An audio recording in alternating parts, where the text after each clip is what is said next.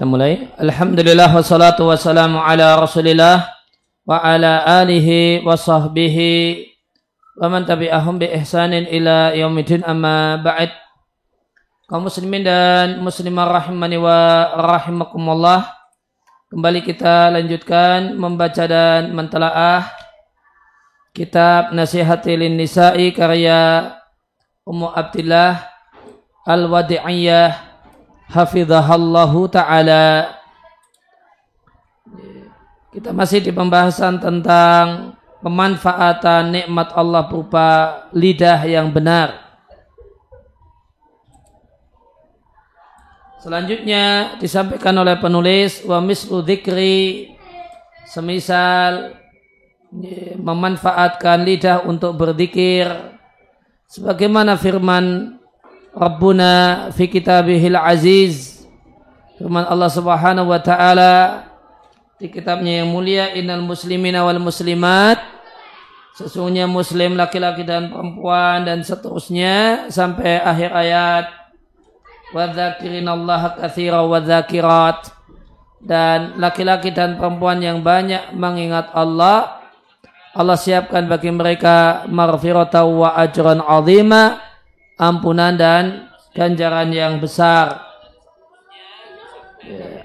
Terdapat sejumlah penjelasan tentang ya, orang yang banyak mengingat Allah dan penjelasan yang dinilai sebagai penjelasan terbaik dalam hal ini adalah orang yang ya, membaca dikir-dikir yang dituntunkan oleh Nabi Shallallahu Alaihi Wasallam dari bangun tidur sampai tidur lagi ya, baca doa bangun tidur, doa ke kamar mandi, doa uh, melepas pakaian atau bacaan uh, ketika anda wudhu, setelah wudhu dan seterus, uh, setelah selesai sholat fardu, dikir pagi petang dan seterusnya. Maka siapa yang mengisi ya, hari-harinya ya, dari bangun tidur sampai tidur lagi dengan membaca dikir-dikir yang dituntunkan, maka inilah orang yang Allah puji dengan sebutan ya, laki-laki ya, yang banyak mengingat Allah dan zakirat dan wanita yang banyak mengingat Allah.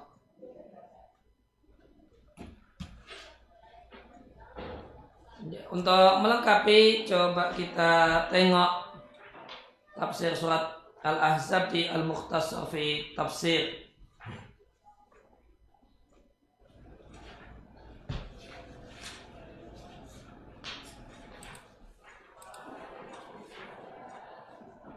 di ayat yang ke-35.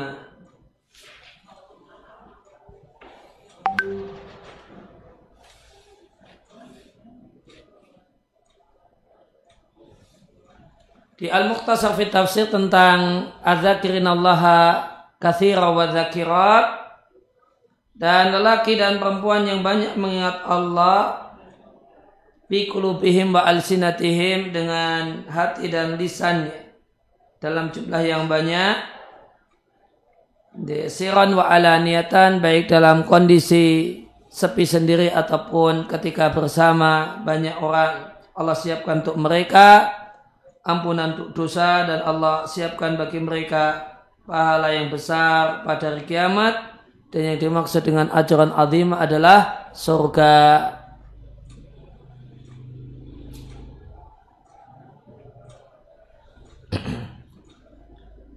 Dan berkenaan dengan keutamaan zikir, terdapat hadis yang diatkan Imam Ahmad dalam musnadnya. Dan juga diatkan At-Tirmidhi dan ini redaksi At-Tirmidhi dari Abu Darda. Dan sahabat Abu Darda nama aslinya adalah uh, Uwaimir radhiyallahu anhu.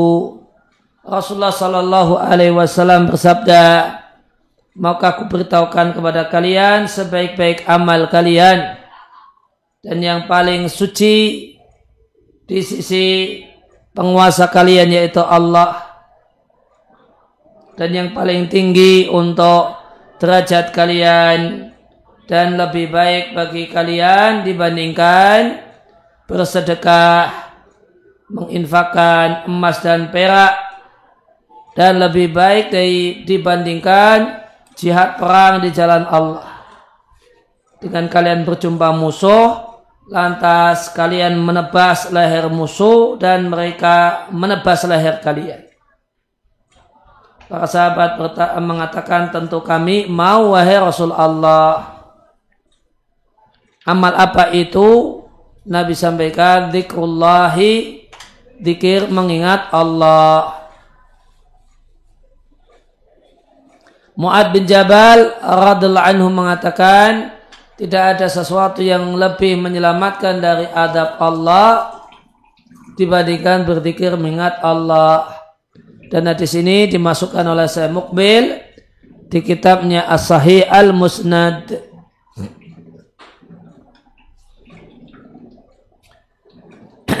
Kandungan hadis ini menimbulkan iskal dalam pandangan para ulama karena dikir dinyatakan lebih afdal daripada sedekah dan dinyatakan lebih afdal dibandingkan uh, jihad perang di jalan Allah Subhanahu wa taala. Oleh karena itu untuk melengkapi pembahasan berkenaan dengan hadis ini ya ingin dibacakan ya, buku tentang uh, ya, buku yang berjudul Tufatul Zakirin karya Muhammad Ali Asyaukani rahimallahu taala yang membahas berkenaan dengan hadis-hadis seputar zikir. Ada pembahasan tentang hal ini di mana memaknai hadis ini.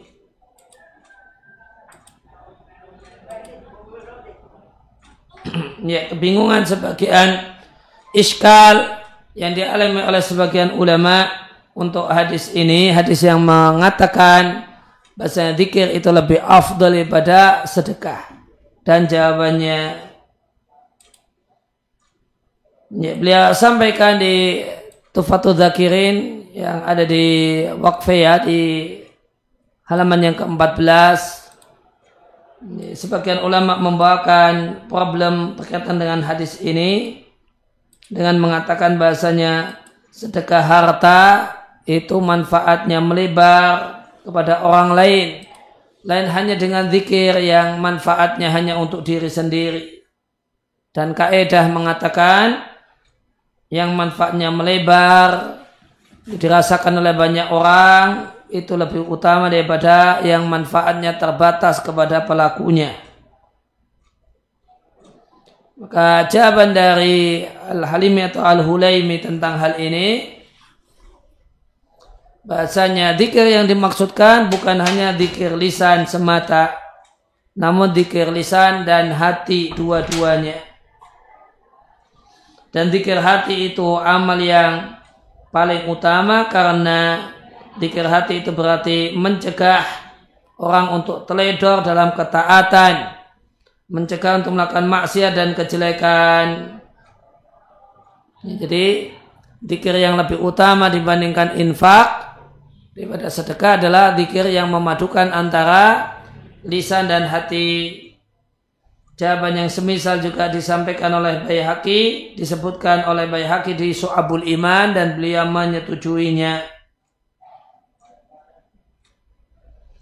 Dan Bayhaqi mengutip dari An-Nawawi bahasanya zikir lisan diiringi dengan kehadiran hati lebih utama dibandingkan zikir hati saja.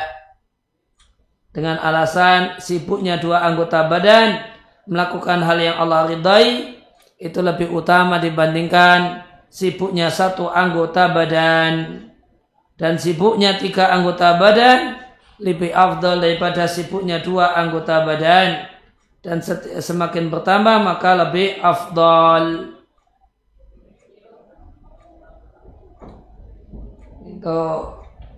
Kemudian uh, Syaukani membahas tentang hadis ini, hadis yang kita baca di Nasihat Nisa ala ukhbirkum bi khairi a'malikum ba askaha inda malikikum ba ar Eh, wa arfa'iha fi darajatikum wa khairu lakum min infaqi adzahab wal fiddah dan seterusnya.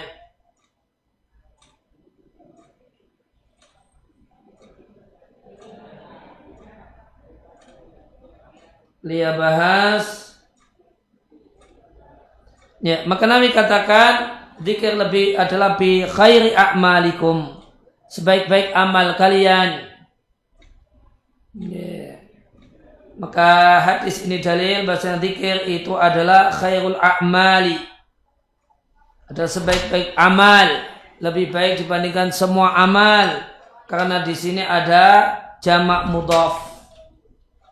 Bi khairi a'malikum. Ada jamak yang mudhaf kepada dhamir. Demikian juga di sini disebutkan kalau zikir itu adalah aska. Ya, amal yang paling suci, amal yang paling tinggi. Aska dari kata-kata zaka artinya berkembang dan berkah. Maka redaksi-redaksi yang ada di hadis ini menunjukkan baca zikir adalah lebih utama di sisi Allah Subhanahu wa taala dibandingkan semua amal yang dilakukan oleh hamba. Karena zikir adalah yang paling banyak berkembang dan berkahnya dan yang paling tinggi derajatnya. Maka dalam hadis ini terdapat motivasi luar biasa untuk berzikir karena sebutan amal di sini mencakup semua amal yang dilakukan oleh seorang hamba kainan makana apa pun amal tersebut. Bahkan Nabi sampaikan lebih baik daripada bersedekah dengan emas dan perak.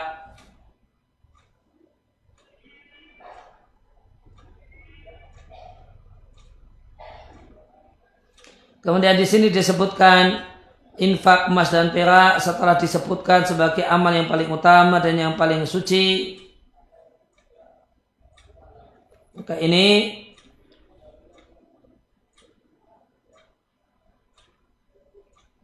maka di sini berarti ada atful khas alal am menunjukkan istimewanya uh, amal sedekah meskipun demikian zikir tetap lebih utama Demikian juga zikir lebih utama daripada jihad perang. Maka di sini ada atful khas alal am. Karena sebenarnya jihad itu bagian dari amal. Ditambah lagi jihad itu adalah memiliki kedudukan yang lebih tinggi dibandingkan banyak amal. Maka disebutkan secara khusus dua amal ini, sedekah dan jihad, setelah disebutkan seluruh amal ini adalah ziyadatu ta'kid adalah tambahan penegasan yang menunjukkan bahasanya uh, dikir itu lebih afdal, lebih mulia dibandingkan semua amal. Dan ini adalah kalimat hiperbol menunjukkan keutamaan dikir. Dan disebutkannya secara khusus uh, sedekah dan jihad ini untuk dalam rangka mengantisipasi prasangka sebagian orang yang tidak tepat bahasanya yang dimaksud amal di sini oh selain sedekah yang dimaksud amal di sini selain jihad.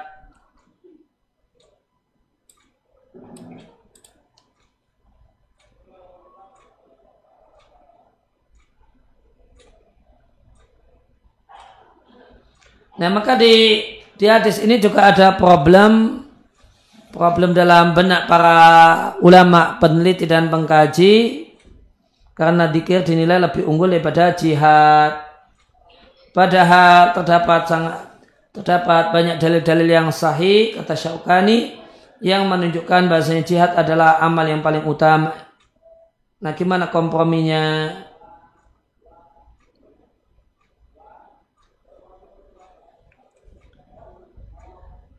Maka ada sebagian ulama yang mengkompromikan bahasanya perbedaan tentang mana yang lebih utama? Ini adalah bi'tibaril askhas wal ahwal.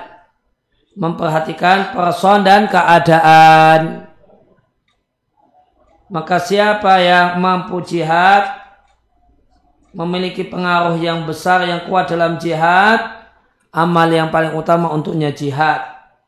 Namun siapa yang duitnya banyak maka amal yang paling afdol baginya adalah bersedekah. Dan siapa yang tidak punya dua hal di atas, tidak bukan orang yang hartanya berlimpah, bukan pula orang yang gagah perkasa di medan perang, maka amal yang paling utama untuknya adalah dikir, sholat atau yang lain.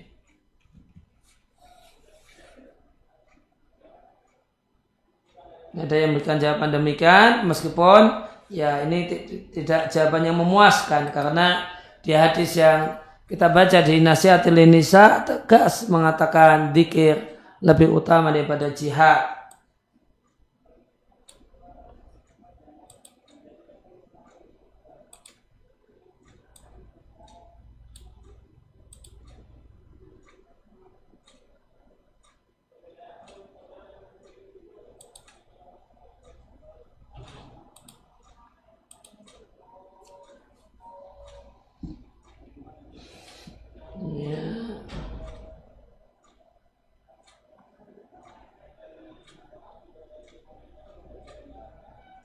Demikian juga di antara terdapat hadis yang menilai menunjukkan bahasa zikir itu adalah uh, lebih baik daripada jihad dan sedekah. Hadis yang dilihat Imam Ahmad dari Muad radhiallahu anhu dari Rasulullah sallallahu alaihi wasallam ada seorang yang bertanya pada Rasul Siapakah mujahid yang paling besar pahalanya? Nabi katakan yang paling banyak berzikir. Nabi Kemudian orang tersebut bertanya, orang sholat seperti apa yang paling besar pahalanya?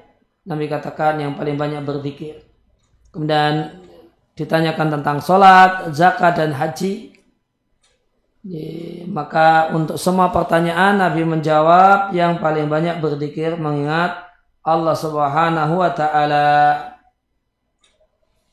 Ya, kalau mengacu pada hadis ini dan ini Ya, di antara hal yang menenteramkan hati adalah mengacu pada hadis ini.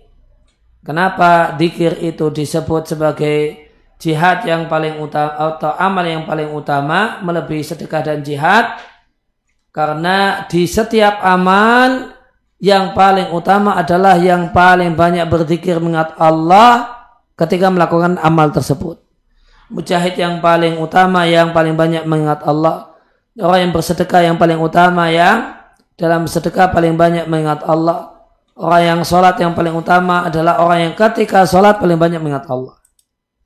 Ya, itu ini di antara penjelasan tentang hal ini. Kenapa demikian? Karena dia adalah kunci keutamaan amal, ya, kunci ya keutamaan amal di setiap amal.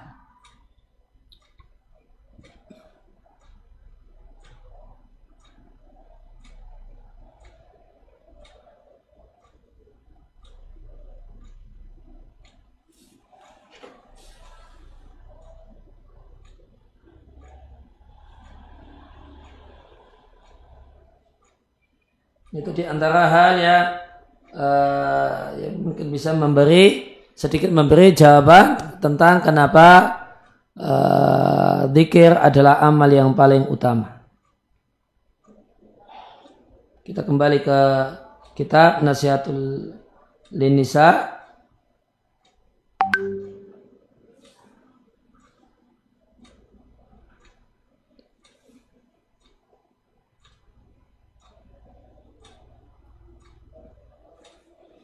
Nah, selanjutnya wa mislul istighfar dan di antara ya, di antara kegiatan yang bermanfaat untuk lisan adalah istighfar.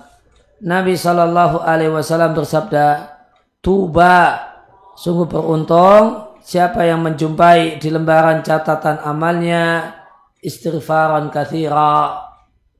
Tercatat dia adalah orang yang banyak beristighfar.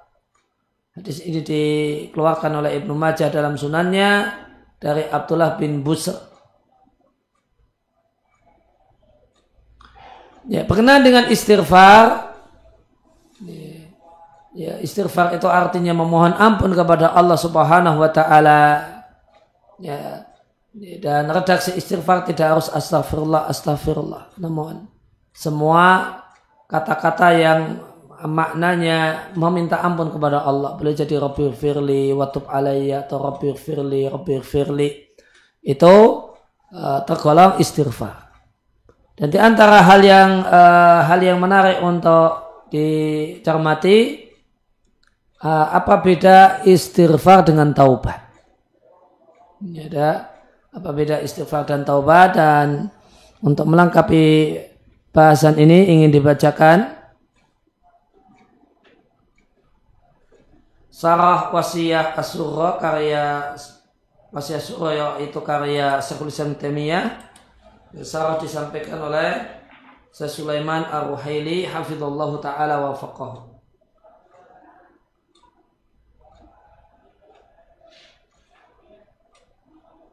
Ada pembahasan hal bainal istighfar wa taubati farqun. Adakah perbedaan istighfar dan taubat ataukah memohon ampunan, istighfar itu sama dengan taubat. Jawabannya bertobat itu berbeda dengan memohon ampunan. Perbedaannya ada ada dua. Yang pertama, taubat itu memiliki waktu akhir Ya, tobat itu memiliki waktu akhir setelah matahari terbit dari barat, pintu tobat sudah tertutup. Ya, kemudian ya, eh, memohon memohon ampunan atau memohonkan ampunan eh, atau memohon ampun itu berakhir dengan nyawa sampai di tenggorokan wa amat istighfaru fala waqtalahu sedangkan memohon ampunan itu tidak ada waktu akhirnya. Oleh karena itu kita ada maka ada amal soleh memintakan ampunan untuk orang yang telah meninggal dunia. Setelah meninggal dunia dan dimakamkan dan dikuburkan. Namun tidak ada la yutabu anhu. Tidak ada ditobatkan. Ya, apa ya? Uh, tidak ada tobat setelah meninggal dunia. Karena tidak ada tobat setelah nyawa sampai di tenggorokan Jadi, kalau istighfar memohonkan ampunan bisa dilakukan oleh orang lain untuk si uh, untuk orang yang telah meninggal dunia. Tapi kalau mentobatkan orang lain tidak bisa jadi kalau orang sudah meninggal dunia, memintakan ampunan untuk orang yang sudah meninggal dunia bisa dilakukan. Tapi mewakili orang lain untuk bertobat kepada Allah tidak bisa. Kemudian perbedaan yang kedua antara tobat dan istighfar atau memohon ampunan adalah tobat itu hanyalah dilakukan oleh pelaku pelaku dosa. Ini hanya dilakukan oleh pendosa. Sedangkan istighfar itu bisa dilakukan oleh pendosa dan orang yang ya, tidak punya dosa.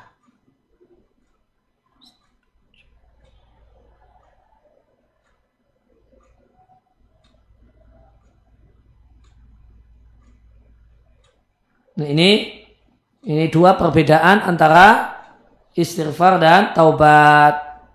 Kalau taubat itu pelakunya adalah khas pendosa, istighfar bisa dilakukan oleh uh, orang yang berdosa dan orang yang tidak berdosa.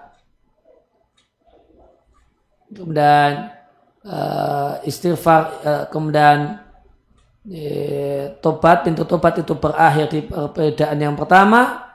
Tobat itu ada pintu pintunya pintu akhirnya adalah ketika nyawa sampai di tenggorokan setelah meninggal dunia maka tidak ada orang yang bisa mewakili orang lain mewakili tobat orang lain. Ya, sedangkan ya, istighfar itu bisa dilakukan meskipun orangnya telah meninggal dunia. Ya, dalam dalam bentuk kita doakan orang yang telah meninggal dunia agar mendapatkan ampunan dari Allah Subhanahu wa taala. Ya, kemudian kita kembali ke buku. Ya, amal soleh dengan lidah yang lainnya adalah amar ma'ruf nahi mungkar. Dan amar ma'ruf nahi mungkar adalah di antara sebab keberuntungan. Faktor untuk mendapatkan keberuntungan. Dan al-falah itu adalah satu satu kata dalam bahasa Arab yang cakupan maknanya uh, luas sekali. Karena al-falah itu artinya mendapatkan apa yang diharapkan dan terhindar dari hal yang dikhawatirkan. Allah Subhanahu wa taala berfirman di surat Ali Imran, "Hendaklah ada di antara kalian satu rombongan, sekelompok orang yang mengajak pada kebaikan." Ya, maka ini bersifat uh, persuasif, mengajak pada kebaikan. Nah, ini berbeda dengan amar ma'ruf nahi mungkar. Ya, kalau amar ma'ruf itu perintah, bukan hanya mengajak. Memerintahkan yang ma'ruf dan melarang yang mungkar. Maka ma'ruf nahi mungkar itu yang uh, yang ada dalam uh, gambaran adalah misalnya orang yang atasan memerintahkan bawahannya. Seorang majikan memerintahkan karyawannya untuk semua sholat. Nah, gitu. Ayo semua sholat duhur tidak boleh nggak sholat duhur. Nah, ini ini amar ma'ruf dan semisal itu nahi mungkar. Wa ulaika humul muflihun. Orang yang seperti itu yang uh, persuasif mengajak pada kebaikan, demikian juga melakukan amar ma'ruf nahi mungkar, hanyalah mereka orang yang betul-betul beruntung. Kemudian wahwa dan amar ma'ruf nahi mungkar itu termasuk sedekah. Sebagaimana dalam hadis yang ada dalam Sabura dan Sahih Muslim dari Abu Hurairah radhiallahu anhu. Dari Nabi Shallallahu Alaihi Wasallam Nabi sampaikan setiap ruas tulang manusia alaihi sodakah ada kewajiban untuk disedekahi. Sulama di catatan kaki maknanya mafasil. Ya, maknanya mafasil, ruas-ruas tulang. Itu setiap ruasnya perlu disedekahi. Dan Nabi sampaikan, dan ini setiap harinya. Dan Nabi sampaikan di hadis yang lain, ruas tulang manusia itu ada 360 ruas tulang. Wafihi dan termasuk sedekah adalah amrun bima'rufin wa nahyun anin mungkarin sutaqatun dan amar ma'ruf nahi mungkar itu sedekah. Wa, wa mislu husnil kalami dan di antara amal kebajikan dengan lisan adalah tutur kata yang baik. Fa'innahu maka sesungguhnya husnil kalam. Itu wiqayatun minan nari. pelindung dari neraka. Maka kalimat ini dibuka dengan inna. Dan dalam bahasa Arab, dalam pelajaran ilmu balaghah. Satu kalimat itu dibuka dengan inna ini cocoknya manakala ditujukan kepada orang yang ragu-ragu. Maka boleh jadi orang kurang percaya. Masa sekedar ngomong yang baik itu bisa selamat dari neraka. Ini kan gampang seperti itu. Ya, maka ya, karena boleh jadi ada orang yang ragu-ragu dengan hal ini maka digunakanlah taukid. Sungguh ya, sungguh tutur kata yang baik, ya, tutur kata yang menyenangkan, baik dalam bentuk tutur kata dalam bentuk tulisan ataupun lisan itu akan menjaga ya, orangnya dari neraka. Sebagaimana hadis ya uh, yang dihatkan oleh Al Bukhari, Imam Bukhari mengatakan hadasana Abu Walid qal hadasana Syu'bah Qal akhbarani Amr anil Khaythamah an Adi ibn Hatim. Dari salah satu sahabat Nabi Adi bin Hatim yang sahabat Nabi yang dulunya Nasrani. Dan ayahnya Hatim itu disebut dengan sebutan Hatim Atai adalah orang yang sangat terkenal terkenal sangat-sangat dermawan di masa jahiliyah. Namun Nabi tegaskan dermawannya di masa jahiliyah itu tidak manfaat di akhirat ya, karena dia tidak beriman ya, dan karena sedekahnya itu sedekah ya, ya, yang mengandung pamrih. Kalau Adi bin Hatim mengatakan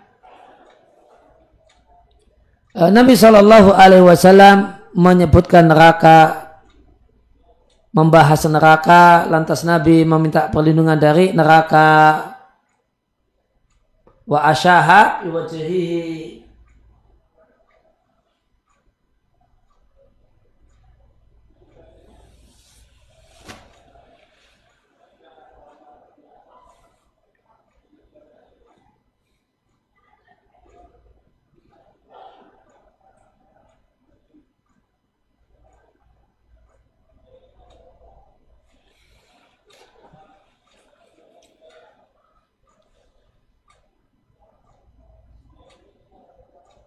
asaha uh, wajah artinya uh, bisa artinya berpaling. Dalam keadaan cemberut.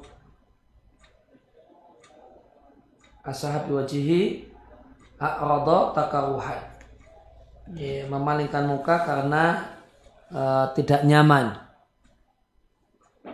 Ya, memalingkan muka. Kemudian Nabi membahas neraka dan Nabi minta perlindungan dari neraka dan Nabi memalingkan mukanya. Subah mengatakan, kalau dua kali jelas saya tidak ragu. Kemudian Nabi mengatakan, itakun nar, jagalah diri kalian dari api neraka, meskipun hanya bersedekah dengan separuh dari satu butir kurma. Ini luar biasanya sedekah dalam menjaga seseorang dari api neraka. Jika separuh biji eh, separuh dari satu butir korma itu bisa menjaga dari neraka, gimana kalau satu butir utuh? Gimana kalau lima ribu? Gimana kalau sepuluh ribu? Gimana kalau seratus ribu?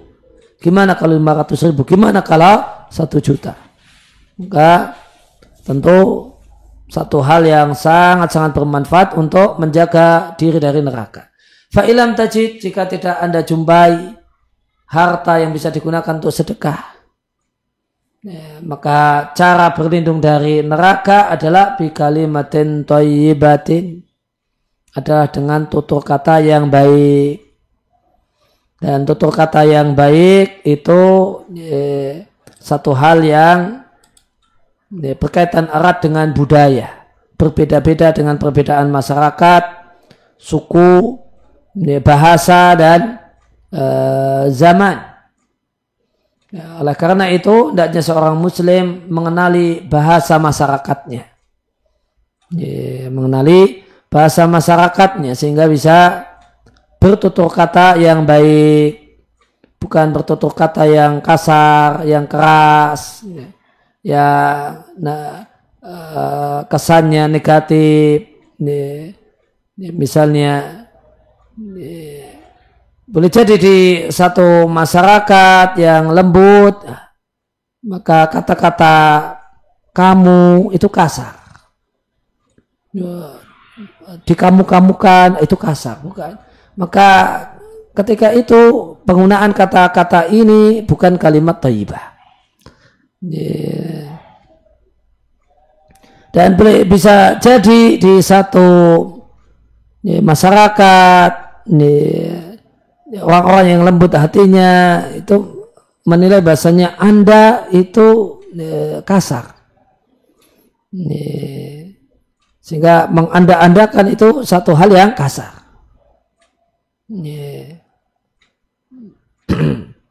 ya, maka memakainya adalah tutur kata tidak termasuk kalimat thayyibah. Ya, maka dirasa bahwasanya menyebut namanya ibu fulan, ibu fulana. Nah, itu lebih lembut daripada Anda. Nih. Itu lebih lembut ibu fulana, mbak fulana. Nah, itu lebih lembut daripada kamu atau nih, inti atau uh, Anda. Meskipun bisa jadi di sikon tertentu, sikonnya sikon akrab, nih, kamu itu bisa bisa saja tidak kasar. Seorang yang berkata kepada istrinya, aku cinta kamu. Itu bisa jadi kata-kata yang kalimat thayyibah. Namun di sikon di konteks yang lain kamu adalah bentuk kasar. Ini, ini. Maka ketika kamu dan anda ini di misalnya diubah ke bahasa ya, bahasa Arab misalnya bisa saja itu nilainya kasar. Anti itu kasar. Anta itu bisa saja nilainya kasar. Orang lebih nyaman dipanggil Mbak Fulanah daripada anti. Ini, boleh jadi antum itu kurang lembut. Ini antum, anta kasar, antum kurang lembut. Namun Mas Fulan itu mah lembut. Bapak Fulan nah itu malah lebih lembut.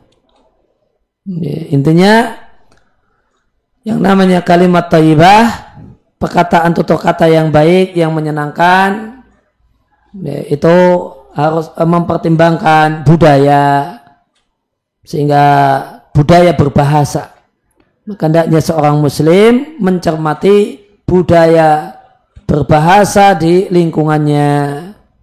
Maka budaya sama-sama bahasa Indonesia atau dominasi bahasa Indonesia bisa saja bahasa di Jakarta berbeda dengan kalimat taibah di kalimat yang baik di Jogja bisa saja di Jakarta itu menggunakan penggunaan kata-kata inti itu eh, orang itu enjoy enjoy saja, namun di sini di di Jogja itu dinilai sebagai satu hal yang nggak nyaman didengar telinga dan di, dirasa oleh hati. Ya, maka hendaknya ya masing-masing kita perhatian di manakah lingkungan tempat dia tinggal Wahua naun min anwa'i sadaqah.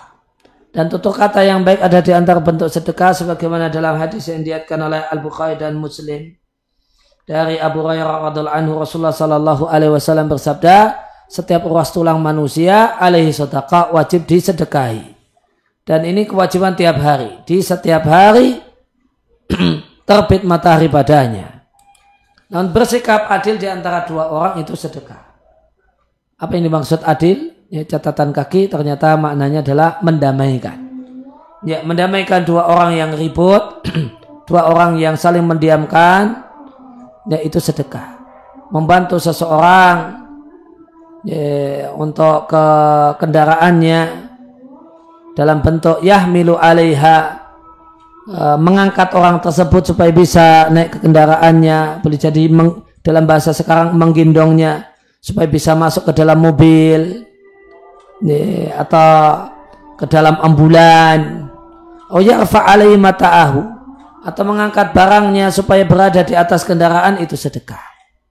Dan yang jadi mahalu syahid wal kalimatut tayyibatu sodakatun dan perkataan yang baik dan menyenangkan itu sedekah dan setiap langkah yang uh, dilangkah, uh, setiap langkah yang dilakukan oleh seseorang Berarti ini laki-laki ila sholat untuk sholat jamaah di masjid itu sedekah. Dan menyingkirkan gangguan dari jalan itu sedekah. Boleh jadi bentuknya ya, menyingkirkan gangguan itu kalau bentuknya ada oli atau pak adalah dengan menutupinya. Ya, pasir dengan membuangnya. Paku dengan menyingkirkannya. Ya, dan gangguan di sini boleh jadi gangguan bau. Misalnya sampah. Ya, maka menyingkirkan sampah dari jalan sehingga orang yang lewat tidak terganggu bau sampah. Nah, ini sedekah. Demikian uh, ini redaksinya adalah redaksi yang ada dalam Sahih Bukhari. Kemudian Imam Bukhari mengatakan hadasana Adam kalau hadasana Syu'bah kalau hadasana Sa'id ibn Abi Burdah Ibn Abi Musa al-Ash'ari dari ayahnya. Ayahnya berarti Abu Burdah. Dari kakeknya yaitu sahabat Abu Musa ya, al-Ash'ari. Nama aslinya Abdullah bin Qais. Ini Abu Musa al-Ash'ari itu nama aslinya Abdullah bin Qais. Dan al-Ash'ari itu satu kabilah di negeri Yaman. Ya, maka nenek moyang Abu Musa al uh, Abu Musa ini bergelar dengan sebutan al-ash'ar yang artinya banyak bulunya. dikarenakan cikal bakal ketu, uh, Abu Musa ini ya, nenek moyangnya kakek moyangnya lahir dalam keadaan seluruh badan penuh bulu ya, akhirnya anak keturunannya disebut Ash'ari Nabi Shallallahu Alaihi Wasallam menyampaikan ya, menjadi kewajiban setiap muslim untuk bersedekah. Sahabat bertanya, jika dia tidak menjumpai harta untuk sedekah, maka Nabi katakan, ya kerja. Masya Allah ya. Nggak punya duit untuk sedekah lain Nabi, mal biadahi. Kerja dengan tangannya, kerja dengan badannya. Sehingga dia memberikan manfaat untuk dirinya, dapat duit untuk memenuhi nafkah dirinya. Setelah itu duit yang lain, sebagian duit bisa disedekahkan.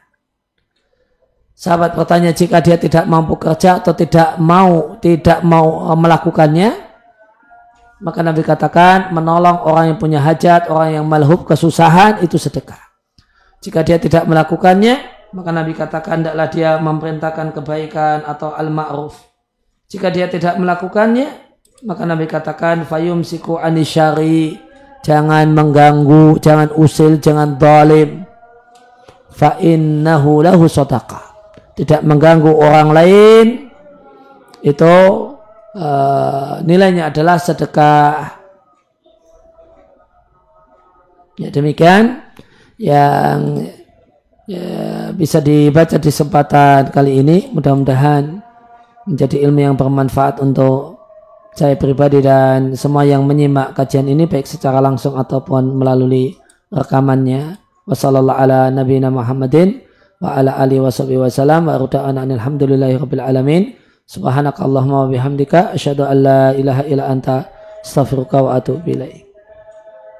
ya, saya